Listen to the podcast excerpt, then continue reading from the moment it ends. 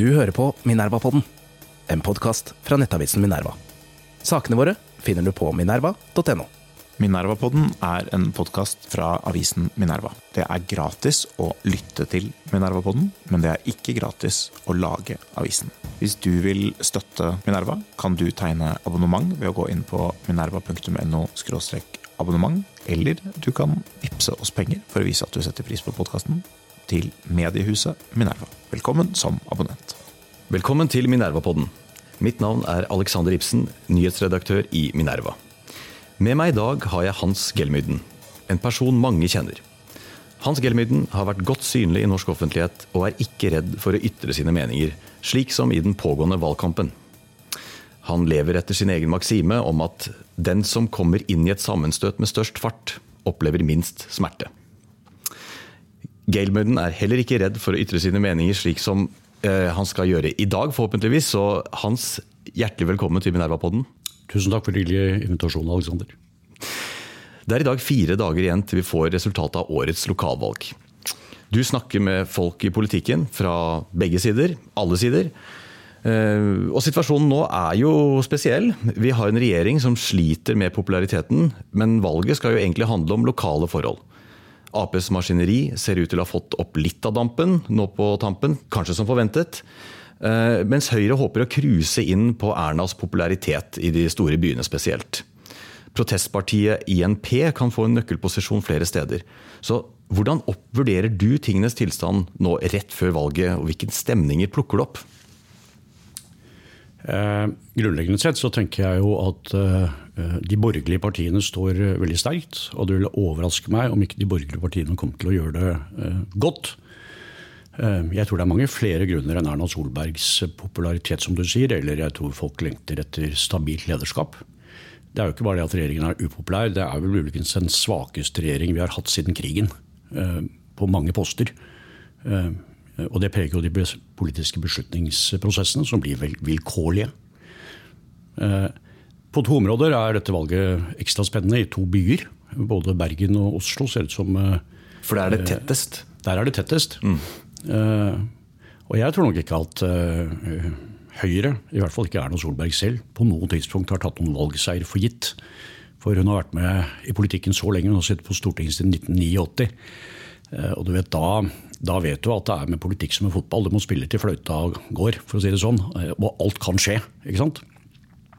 It's events, my dear boy, som denne britiske statsministeren sa på et tidspunkt.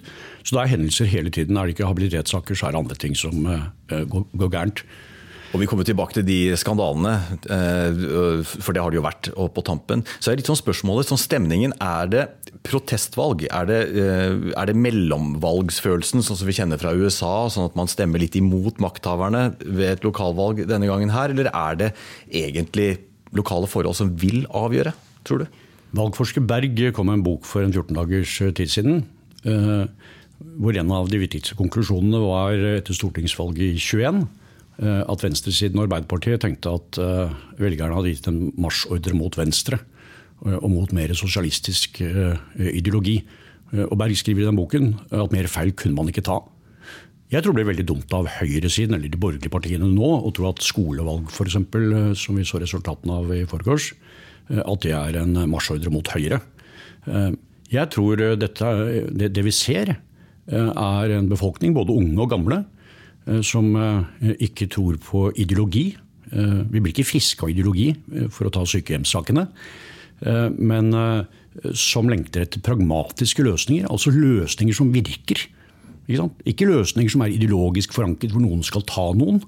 Eh, fordi staten skal ha mer penger, eller hva det måtte være. Eller fordi staten innbiller seg at den kan ting den ikke kan, eller det offentlige, da, for å ta eldreomsorgen.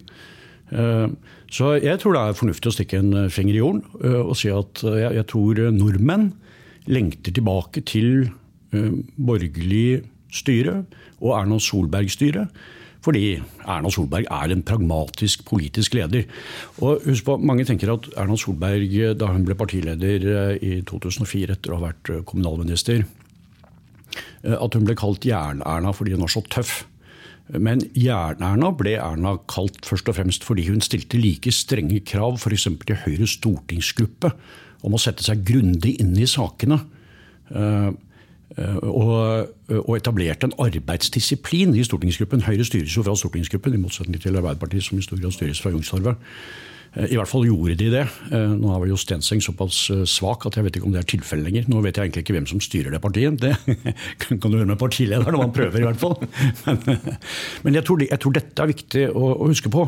At i Høyre kan de sakene. Det var et innslag på Dagsnytt 18 i går der næringsminister Wester, eller Pinocchio som mange kaller ham i næringslivet, angrep Astrup, som svarte for Høyre, da, både på lakseskatt og på, eh, og på havvind. Eh, og hvor du så at Astrup kunne sakene, mens Wester altså ikke kunne dem. merkelig nok. Så han ble jo grisebanket i min bok. Eh, og det er klart, det er jo ikke det at regjeringen da ikke er populær, som du sier jeg tror veldig mange ikke har tillit til den, rett og slett. Men er noe av det, Man lengter tilbake til ledelse, som du sier. Er dette her vår long covid? Er vi tilbake til pandemihåndtering og, og hvordan Solberg-regjeringen loset oss gjennom den, eller noe annet? Nei, vi vil ha løsninger som virker. Ja. På første partilederdebatt, det var fra Arendal, eh, så var det jo en spesiell eh, situasjon hvor eh, disse klimamålene, som nesten alle partiene har vært med på å vedta, ble bedt, altså alle partilederne ble bedt om å rekke opp hånden om man trodde Norge var i ferd med å oppfylle dem. Og kun Støre sto der med hånden opp. Ja, og så hyller venstresiden om etterpå. Men det er jo ikke noen grunn til å hylle. Og så skjønner jeg ikke fyren en puck, vil jeg heller si. For det, jo, det, var jo en grunn til at alle de andre holdt armen nede. Vi får ikke redusert med 50% i 2030. Nei, vi gjør jo ikke det. Men, men er, det her er det noe av dette her som du peker på også, med at vi er tror ikke på ideologi, ideologi gjør oss ikke friske, og at noe av disse klimamålene også eh, tilhører eh, den sfæren. da, Den ideologiske mer. Ja, en eh, trosbekjennelse mer enn noe annet. Altså, jeg pleier å si at eh, De største styrkene ved norsk demokrati er tradisjonelt at det er kunnskapsbasert. Og skånsomt overfor minoritetene. Det syns jeg er veldig viktig egenskap. Et vakker egenskap ved et demokrati. Og slik regjeringen fungerer i øyeblikket, så virker det ikke som kunnskap gjør særlig inntrykk på den eh, i det hele tatt. Og når du kommenterer på klimapolitikk, eh, så virker det på meg som det er lobbyister og pressgrupper som lager klimapolitikken. NGO-ene på sin side, Bellona f.eks., som har jobbet for CCS, altså karbonfangst og -lagring, siden 94. Eller Equinor, som jo helt åpenbart har slåss for Melkøya. Og, det, og Melkøya blir det jo aldri noe av. Så det er jo bare luftslott. Du tenker på elektrifiseringen? Og for å ta minoritetene. Eh, jeg har eh, mange venner jeg som er, eh, driver med reindrift i Finnmark. De har jo heller ikke denne gangen blitt kontaktet av regjeringen. Det ble det jo ikke i Fosen-saken heller. Så der fikk vi jo høyesterettsdommen, som ga, ga samene en rett. ikke sant? Og Hadde de ment noe med dette, så måtte de jo denne gangen i hvert fall ha tatt en telefon til reindriftssamene. Man kunne jo forvente på tre måneder litt læringskurve, kanskje. Så, eh, så, så, dette er jo eh, elendig politisk håndverk, og virkelig ikke løsninger som verken hjelper kloden eller befolkningen, men som koster innmari mye penger. Eh, og det er jo ikke sånn at staten bare er god, staten er også grådig, så de pengene skal jo dekkes inn på et tidspunkt. Du vet, Folk er det beste vi har. Folk skjønner mer enn du tror. Vi har en befolkning der 50-60% har høyere utdannelse. Det er ikke som i 28 da Arbeiderpartiet vant valget sist, hvor du hadde en høyere en universitetsgrad på 2% og folk kanskje trengte hjelp til å leve livene sine. Nå klarer vi å leve livene våre selv, helt uten Arbeiderpartiet og sosialisme. Vi klarer å ta våre egne valg. Eh, og så syns vi det er veldig greit om regningen fra staten uh, går til noe som er viktig, og ikke nødvendigvis elektrifisering av flytende havvind eller subsidiering av Equinor på, på Melkøya. Det, det, vil vi ikke betale for. Eller for den saks skyld, løftet nå om, uh, om at ingen skal betale mer enn 2000 kroner eh, for barnehage. Ja, det er et vakkert løfte. Det koster 3 milliarder. Alt dette har jo en bakside. Det kommer alltid en regning. There is no such thing as a free lunch. Nei, noen må betale, noen ja, visst, må betale for det. Dette skjønner vi jo. Og, og, vi ser det jo. Altså, Oslo har jo nå høy, det høyeste kommunale avgiftsnivået av noen storby i Norge. Jeg tror det er 16 500 kroner uh, i, i, året, hvis jeg, hvis jeg, husker riktig. Mens Bergen og Stavanger ligger på 10 000. Ja, hvor dyrt skal det bli da? Mm. Så jeg tror dette her er et pragmatisk valg. Jeg tror i en pressesituasjon, for det er klart at det skjer mye på en gang, uh, så, så, blir folk pragmatiske. Uh, Eh, og eh, de borgerlige partiene eh, har en mer pragmatisk og mindre ideologisk politikk. og Derfor tror jeg mange kommer til å velge å gå til Erna og, og, og borgerlig side. Erna er på en måte definisjonen på pragmatisme. Men Du nevnte skolevalgsresultatet, og at det kanskje ikke skal tillegges altfor stor vekt, men det har jo blitt ordentlige brusninger i kommentarfeltet. Du må gjerne tillegge det stor vekt, Ja. men du må begrunne det riktig. Ja, og Begrunnelsen nå virker jo å være dette med hva, hva er det, Ser vi en høyrebølge? Altså, er det, er det den neste generasjonen som kommer frem? Eh, Er det en bølge som da ikke er pragmatisme og ønske om god styring og orden i de kommunale budsjettene, men en egentlig ideologisk bølge som kommer. og eh, vi, eh, Oppsummert av eh, Unge Høyres leder Ola Svenneby, veldig mye diskutert etterpå. Denne eh, generasjon Greta Thunberg er død. Men vi ser også i ulike kommentarer fra mm, smarte folk som Andreas C. Halse, Magnus Marsdal, om at nei, men det, det er en generasjon som bader i budskap på TikTok med en klar høyrebrodd. Eh, og at det er den som egentlig har motivert mange til å gå til FPU, som har mange følgere på TikTok, eh, men også da til eh, Unge Høyre. Heller enn disse kollektivistiske partiene, sånn som MDG og SV. Her er det mange, mange ting jeg må kommentere på. La meg begynne med det gamle utsagnet om at historien ikke gjentar seg, men den rimer. Og la meg gå tilbake til da jeg var 16 år, i 273. eh, Så så så vi konturene av en høyrebølge under eh, etablering. Mm. Jeg husker vi syklet rundt og klistret opp eh, små merkelapper på lyktestolpene med 'For deg mot formynderstaten'. Den formynderstaten mener jeg at vi begynner å se konturene av igjen, med regulering eh, inn i menneskelige forhold eh, som må kunne regulere seg selv i sivilsamfunnet. Ta opplæringsloven med regulering av forhold mellom lærer og elev. Gud bevare meg vel, krenke, ikke krenke. Apropos woke. Det er jo en av diskusjonene vi har for tiden. Eller så gikk vi i demonstrasjonstog bort til eh, det heter vel Kirke- og undervisningsdepartementet mot EVA 1 og EVA 2, altså evalueringsutvalg, evalueringsutvalgene, som den gang foreslo å fjerne karakterer i skolen. Men vi vil jo ha karakterer, det er jo det mest objektive kriteriet man kunne tenke seg, egentlig, på hva slags innsats man gjorde. Og vi syntes det var rettferdig. Eh, eh, Nå er det, nå er det leksefri skole. Men, eh, men, men hva er det for noe, da? Eh, Altså, Unge mennesker vil vel gjerne meritere seg, vil vel gjerne gjøre en god jobb. Alle mennesker har jo lyst til å, å lykkes på en eller annen måte. Men den gang, altså når du sier tilbake til 70-tallet, vi er i en tid nå som har for lengst etablert en sånn mytologi om den jeg skulle komme til det andre. Du. Ja. Så, så, så, jeg tenker, for, for meg er dette ikke ideologi, men pragmatisme. Ja. Eh, Vi vil gjerne få en tilbakemelding som elever på nå er vi på skolevalget for så vidt, på, på om vi har fått med oss noe eller ikke. Og det er ikke noe ideologisk, det. Altså For meg er det veldig pragmatisk. Eh, Og så til eh, Ola Svennebys uttalelse om eh, Greta Thunberg. eh, og Jeg måtte se på det mange ganger eh, forleden, fordi jeg tenkte hvorfor ber han om unnskyldning for dette, egentlig. Men eh, eh, og, og som jeg sa i sted, så tenker jo jeg egentlig at den kommentaren eh, er Det han egentlig sier er farvel til NGO-ene. La oss få en miljøpolitikk som virker, og som ikke koster det, hvite ut av øyet. Og som faktisk bidrar reelt til å redusere CO2, og i tråd med Montreal-avtalen eh, verne og hegne om natur. Altså igjen pragmatisme. For man kan jo ikke kalle verken Bellona eller NGO-ene eller MDGs miljøpolitikk for særlig eh, pragmatisk. Den er jo ganske eh, fanatisk, egentlig.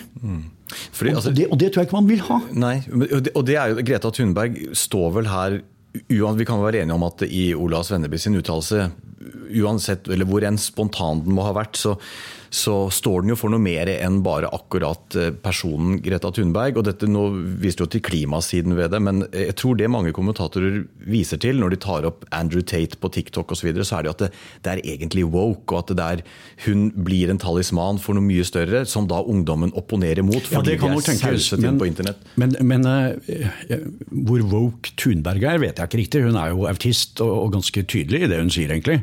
Eh, Så jeg tror det er mer veien fra aksjonisme til parlamentarisme, som du f.eks. har sett i EU-sammenheng. Eh, Og der har du også sett at velgere i EU reagerer kraftig. Du så jo de eh, gule vestene først. Nå ser du det samme i Nederland, hvor du har BBB-partiet, som er i enorm fremgang.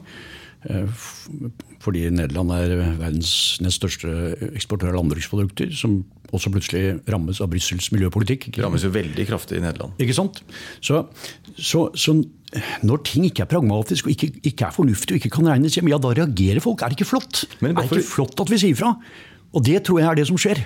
Men bare for å holde litt på, på tidsånd og generasjon. Eh, når du, du beskriver 70-tallet og hvor imot evalueringsutvalg 1 og 2, og det var det, men var det ikke en strukturerende ideologi bak? Altså, som i typen Vietnamkrig, kald krig, Nato-spørsmål. Og vi sitter i dag med en litt sånn behandling av den tiden som at dette var da 68-erne eh, påvirket, tok kommandohøydene, medier, akademia. Også på 80-tallet hadde vi noen av de svake svakeste regjeringene Norge har sett. Altså, Oddvar Nordli konkurrerte jo egentlig med Gahr Støre i, i, mangel på lederskap. Mm.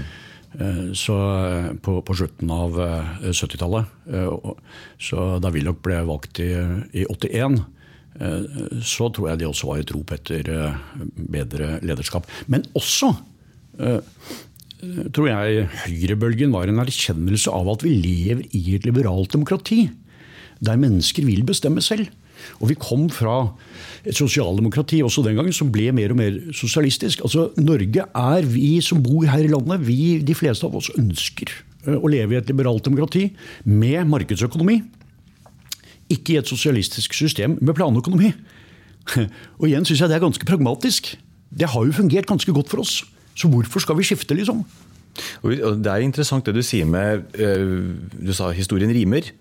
Ja. Den gjentar seg ikke. Eh, den var jo nesten på skolevalget, for en siste ting om det, så er det jo i praksis en repetisjon av skolevalgsresultatet fra 1989. Vi mhm. fikk eh, nå, og hvis vi holder eh, hvis vi tillater oss et slingringsmonn på to prosentpoeng, så er, så er, alle partiene fikk identisk resultat. Unntatt Rødt, som ikke stilte lister da, i, i, 1989. Alle andre til og med altså Den største differansen er MDG, som fikk 3,8 ved dette eh, skolevalget, og fikk 1,8 i 1989. Mm. Utover det så er det innenfor halvannen til ja, 2 det visste jeg ikke. Nei, og, og, da tenker man, man blir i hvert fall fristet til å se tilbake da, til 1989. Vel, uro i verden, det hadde man. Dette er jo bare måneder før, eh, før Berlinmuren faller. Uh, og, men det er også en tid med en, kall det en jappetid i ryggen. og med alle signalhus vi har, Hvis vi til, tenker tilbake da, de 20 årene som er bak oss, den tiden hvor eh, dagens skoleungdom har vokst opp, er jo en slags jappetid de, har, eh, de kommer ut på toppen av. Er det ikke det? Um, det skjer jeg annerledes. Jeg har gleden av å bli invitert rundt omkring på skoler, videregående skoler og holde innlegg og, og diskutere. Ja, ikke i Olavs Venneby-format, på en måte, men, men, av og til. Jeg har jo tre barn selv. Kanskje du er på TikTok uten å vite det, Hans? Jeg får meldingene fra min yngste datter faktisk, når hun syns det er noe av interesse. F.eks. Svennebys TikTok-melding med kjæresten her eh, i forgårs. Den, den sendte hun meg. Så, så, jeg er litt oppdatert. Men mine venner befinner seg nok stort sett på Facebook, dessverre. Eh, så um, eh, nå husker ikke jeg hva, hva, det var vi snakket om. Nei, om 89, er, er, det, er, det, en jappetid eh, som er ja, på vei til å avsluttes? Når jeg er rundt omkring og, og holder innlegg og, og, diskuterer på videregående skole, møter ungdom, studenter, hva det er, så møter jeg ganske mye bekymring. Jeg syns ikke det er noe jappete over dem. Jeg husker jo jappetiden jeg er på 80-tallet. Vi var jo kjempeglade. Vi drakk rosa champagne med begge hendene og hadde det ganske moro. Det er mer depresjon utover nå. Så, så, det bekymrer meg litt. Eh, for jeg er, som jeg sier, i demokrati, et liberalt demokrati finner vi alltid vei. Det er jo styrken ved et liberalt demokrati, at vi bygger ting nedenfra opp. og og, og, og, har en stat med eh, ikke nødvendigvis en stor stat, men en god, sterk stat med sterke institusjoner på viktige områder, sånn, områder som rettssystem, skole, helse osv. Gode institusjoner. ikke sant? Og det er klart at Når disse tingene forvitrer, eh, og, og, vi får en krig i Europa uh, i tillegg, vi får en dyrtid, vi får en inflasjon på nytt etter at vi har hatt et lavrenteregime i 20 år, uh, og på toppen av det hele en klimaproblematikk. Jeg vil understreke natur- og miljøproblematikk i tillegg, for jeg syns det er ekstremt viktig å se disse tingene i sammenheng. Da opplever jeg at likheten, hvis du går bakover i historien, går mer til bekymringen i min generasjon om atomvåpen og 68-erne, hvis du skjønner. Det er interessant parallell. Ikke sant? For, for det, er en, det, er en, dyp bekymring der ute. Det er dypt alvor. Eh, som vi da vi gikk inn på 80-tallet ikke lenger opplevde. Vi opplevde fremgang. Vi opplevde vi var jo aldri redd for ikke å få jobb. Vi var jo, eh, ting gikk veldig bra. ikke sant? Frykten for atombomben var vel i ferd med å avta også på 80-tallet? På 80-tallet var den definitivt det. Så, så, frykten altså Hvis du tar 68-erne, da, som, som jeg, jeg var jo ikke 68 selv, jeg er født i 57, så jeg var, jeg var litt for ung. 11 år gammel. Så jeg var jo ikke som 11-åring så opptatt av seksuell frigjøring, f.eks. Og, og heller ikke så bekymret over uh, atombomben, selv om jeg jo likte Bob Dylan og Hard Rain's Gonna Fall veldig godt. Nei, Så, så dette alvoret altså jeg, jeg, ser min, min, yngste datter er 21, hun studerer juss på Universitetet i Bergen. Og den gjengen jeg er blitt kjent med uh, gjennom henne, imponerer meg enormt. Uh, men er jeg bekymret over noe, så er det altså mer det, det depressive, tidvis depressive alvoret som den generasjonen uh, representerer. Eh, og jeg ser ikke noe særlig jappetendenser. Jeg ser en generasjon som er ekstremt opptatt av å være veldig flinke, og som jobber steinhardt. Jeg tenker på hvordan jeg drev på da jeg studerte på Norges handelshøyskole i Bergen. Jeg hadde jo knapt et edre øyeblikk. Altså, så, så, her, så, her, ser jeg store forskjeller, faktisk. Skandaler. Altså dette som, som uh, mangeårig PR-mann og redaktør og en observatør og samfunnsdebattant, så dette her er jo grunnstoffet uh, for uh, en mann som deg. Og vi har hatt mange skandaler i politikken den siste tiden. Fra solbrilletyveri til habilitetsspørsmål og aksjehandel for ektefeller av regjeringsmedlemmer. Så dette er jo litt av en gullgruve. Eller et kaleidoskop, jeg vet ikke. Eller kanskje som å se en katastrofefilm utenfra. et eller annet sånt. Så liksom, En ting som ofte melder seg etter skandaler, er eh, diskusjoner om det er selve handlingen eller om det er eh, mediehåndteringen etterpå som er problemet. Også hva det har for eh, folks tillit til myndighetene. Hva tenker du om det? Ja, jeg tenker at vi må hegne om demokratiet vårt, og at denne type saker truer demokratiet vårt. Fordi den truer Eh, politikers eh, troverdighet. Og i denne sammenheng også Støres eh, troverdighet som leder. Jeg syns jo litt synd på Støre, for han skulle aldri vært leder. For han kan jo ikke politisk ledelse i det hele tatt, og det ser du i disse sakene òg. Og min begrunnelse for å si dette er vilkårligheten i hvordan han håndterer de ulike sakene. Saker som har veldig klare fellestrekk. Men du skal jo virkelig være, lese med den teksten med den aller minste skriften for å forstå forskjellen på Tettebergstuens sak og eh, Tonje Brendes eh, sak. Ja, Eller hva som ligger i uvitende inhabilitet. At det var greit fordi Hun visste ikke at hun var inhabil, og da var det, går det fint. liksom. Så jo sløvere du er, jo greiere går det. Eller forskjellen på Huitfeldt og Borten Moe, jeg synes eh, på, på innsideforholdet. Eh, så dette er jo helt vilkårlig. Og, og Sånn blir det rundt en leder som noen, eh, som, som, som, mangler indre kompass, og som er opptatt av å være populær, og som selv mener at uh, hans store bidrag til Arbeiderpartiet er at han har forynget ledelsen av dette partiet. Uh, med, med uh, kunnskapsministeren og næringsministeren. Så, så, dette er bare helt forunderlig. Uh, og, og, og, dette er jo også en regjering som snakker om tillitsbaserte reformer osv. Men, eh, men når det kniper, så kommer man jo heller med regelverk. Dette er, ikke, dette er, jo ikke, snakk om regelverk, dette her er for meg snakk om ryggrad. Eh, dette er snakk om å se forskjell på rett og galt. Så det er, det er egentlig ikke mediehåndteringen heller. Er, det er ledelsen, det er ikke handlingene, det er ikke mediehåndteringen. Det er, det er hvordan det håndteres innad i organisasjonen, ja. da regjeringsapparatet. Og dette hadde jo aldri skjedd eh, i en Erna Solberg-regjering hvis folk hadde operert på den måten og hadde fått dem ut eh, på dagen alle sammen.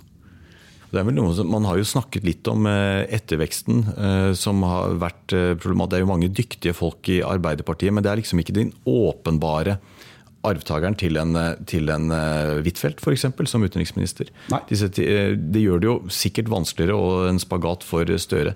Han er vel på sitt beste som leder når han representerer eh, Norge utad. altså Mangeårig eh, utenriksminister. og liksom, Han virker å være sitt ess når han diskuterer eh, sosialdemokratiets fortreffelighet blant internasjonale kolleger. Eller, eller egentlig står som, som en talsmann på vegne av Norge internasjonalt. Der er han vel sterk?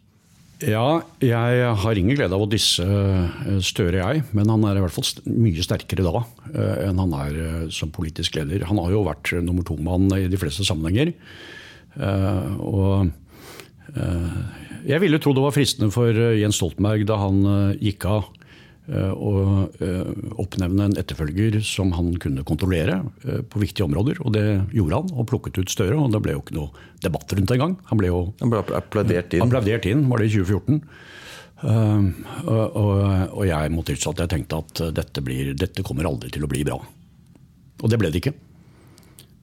Det er to år til det. Og, og, og jeg syns det er synd. Fordi det er synd for Norge at vi har en regjering som mislykkes i en så stor grad som denne gjør. Og La meg ta parallellen til Oslo-politikken. Der har vi også en byrådsleder som, som slurver som bygger myter rundt seg selv, som sjelden setter seg grundig inn i sakene. Det er Raimond Johansen. Nå snakker vi om Raimond Johansen, fordi jeg syns det er noen paralleller her. Eh, han later som han er en sterk leder gjennom egen mytebygging. Men alle som har jobbet i nærheten, han vet at han kan ikke sakene godt nok. Med det resultatet at eh, Rødt, MDG eh, og, og SV jo i realiteten vinner frem i alle saker som har politisk kontur, som har politisk avtrykk. Eh, så eh, det er veldig uklart hva regjeringen gjør. Eh, nei, unnskyld, hva byrådet lykkes med her i byen. Du har hatt en god kronikk i Nettavisen om akkurat situasjonen i Oslo før valget. Og der er det, Du går gjennom egentlig eh, track recorden til eh, Raimond.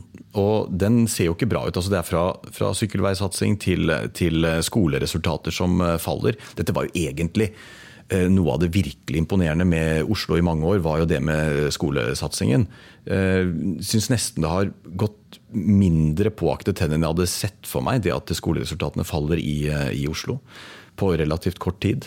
Så hva, hva er det, hvor, hvor, kommer populariteten fra, da?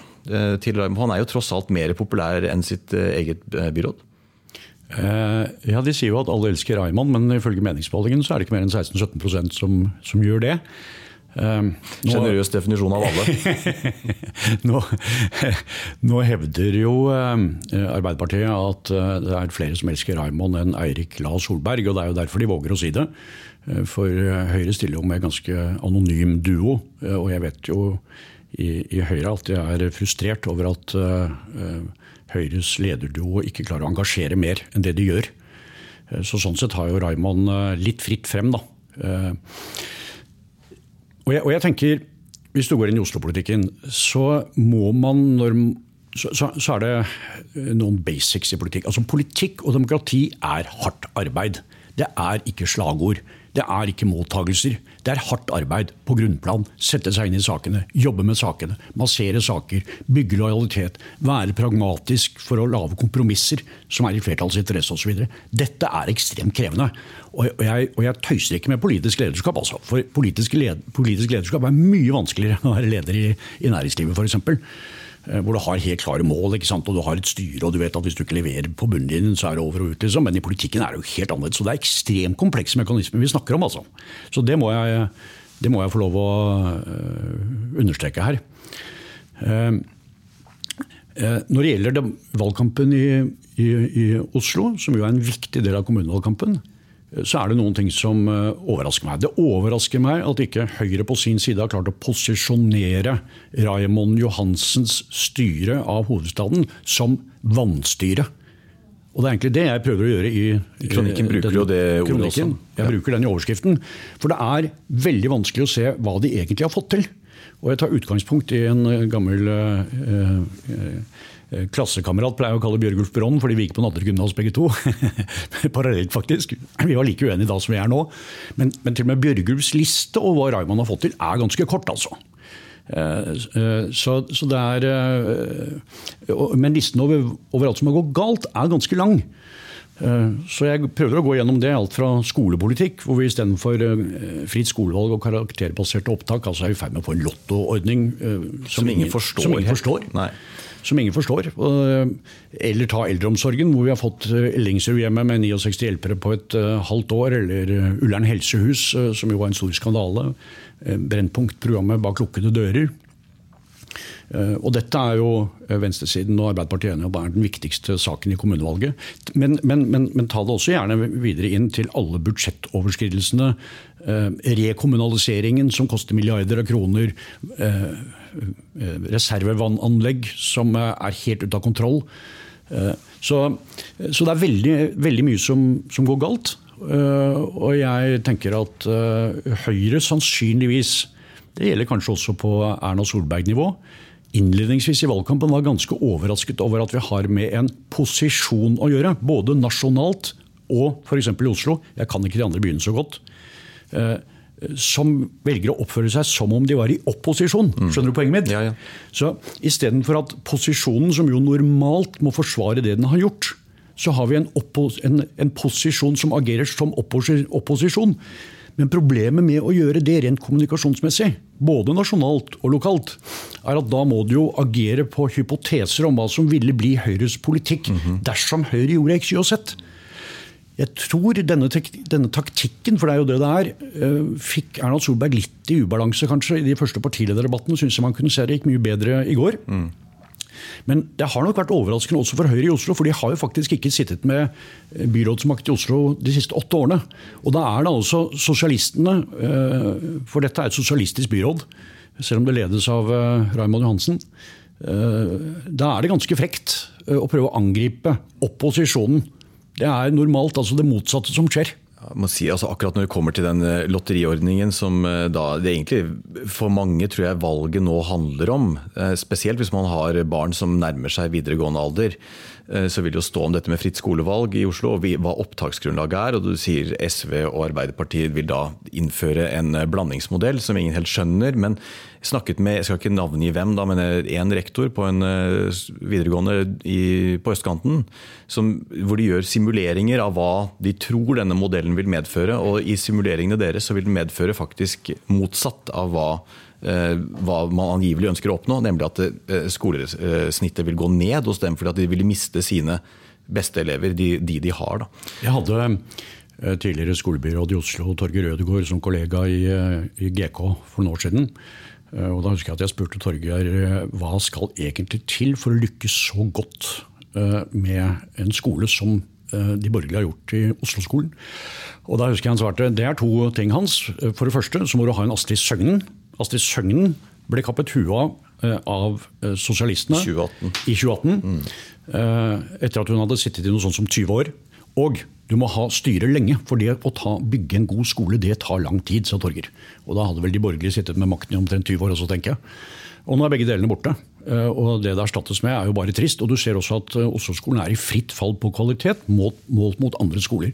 Eh, Den er ennå ikke, eh, er ikke med brukket rygg, men kvaliteten er betydelig svakere enn den var eh, før 2015. Hvorfor er det så jevnt i Oslo da? Det ser jo sånn ut på meningsmålingene at det er fryktelig jevnt. At det er, vi snakker om en håndfull eh, mandater som vil avgjøre byrådsmakten. Eh, Det kan jo hende at Raymond har frekkhetens nådegave, og at det har virket. Samtidig som jeg ikke er imponert over Høyres valgkamp i Oslo. Det har jeg vært inne på. Ta den andre byen, hvor, hvor det også er spennende, Bergen.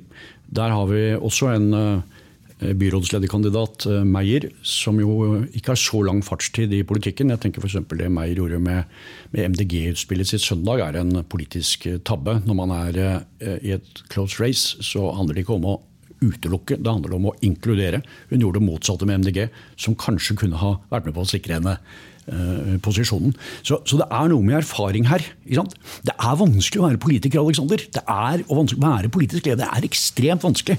Og I hvert fall altfor vanskelig for Støre, bare så det blir sagt. da. Vi må gå inn for landing. Du skal eh, med fly straks. Vi Må ta tre kjappe til slutt. Og Du nevnte at eh, slagord ikke er så viktig til syvende og sist. Jeg lurer litt på om slagord kan være viktig for å motivere laget ditt. Altså de som skal ut og banke dører og dele ut flyers osv. At de har en enkel eh, et budskap i pannebrasken som de vet nøyaktig hva det er de kjemper for. Jeg var i en valgkampsending i TV, i TV 2, husker jeg, nede på Deichman var det, i 2021. Og Da skulle vi diskutere valgkampslagord. Vi var en tre-fire stykker. Og alle var kjempefascinert av Arbeiderpartiets eh, Hvilket var det da? Nå er det, vanlige folks tur. Ja, riktig. Ja. Eh, Men det var ikke jeg. Jeg kåret det til det dårligste slagordet. Eh, Og min begrunnelse var at alle føler seg, med mindre de er i stormannsgale, så føler jo alle sammen seg som vanlige folk. Og jeg visste jo at eh, ikke alle vanlige folk ville føle at det var deres tur, når denne politikken faktisk ble satt i, i verk. Og det ble jo riktig. Jeg tror, der tror, Det var jo en kopi av Mette Fredriksen i, i Danmark. Var det hun som Arnes- nå er det Arnes tur, er det. Arnes tur.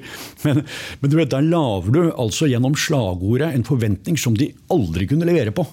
Og det er jo katastrofalt. Og populariteten til Støre-regjeringen i 21 var jo borte eh, allerede etter halvannen måned. ikke sant? Den var i fritt fall etter halvannen måned. Mange grunner til det. Også, nå er det vanlige folks tur. Var vel heller ikke immun mot harselas. Altså, du kan legge til veldig enkelt. Nå er det vanlige folks tur til å bli flådd eller Men, å betale men bare en skatt. sånn sak som hva er vanlige folk? Jo, det viste seg å være folk som tjente rundt 850 000. Ikke sant? og, um, men det, eh, det som rammet alle vanlige folk, var jo økt skatt, økt eiendomsskatt, økte kommunale avgifter. Dette rammer jo alle. ikke sant? Så, så man skal være litt forsiktig med slagord, da. Men jeg er enig med deg at det kan ha en effekt internt på laget. Da prøver Vi vi får ta tre, vi kan ikke gå gjennom eh, alle denne gangen. Vi får ta tre, da. Prøve å fordele litt her. Eh, Hva, hva du tenker om de bare veldig kort, hva du tenker om de, disse slagordene. Vi kan ta KrF først.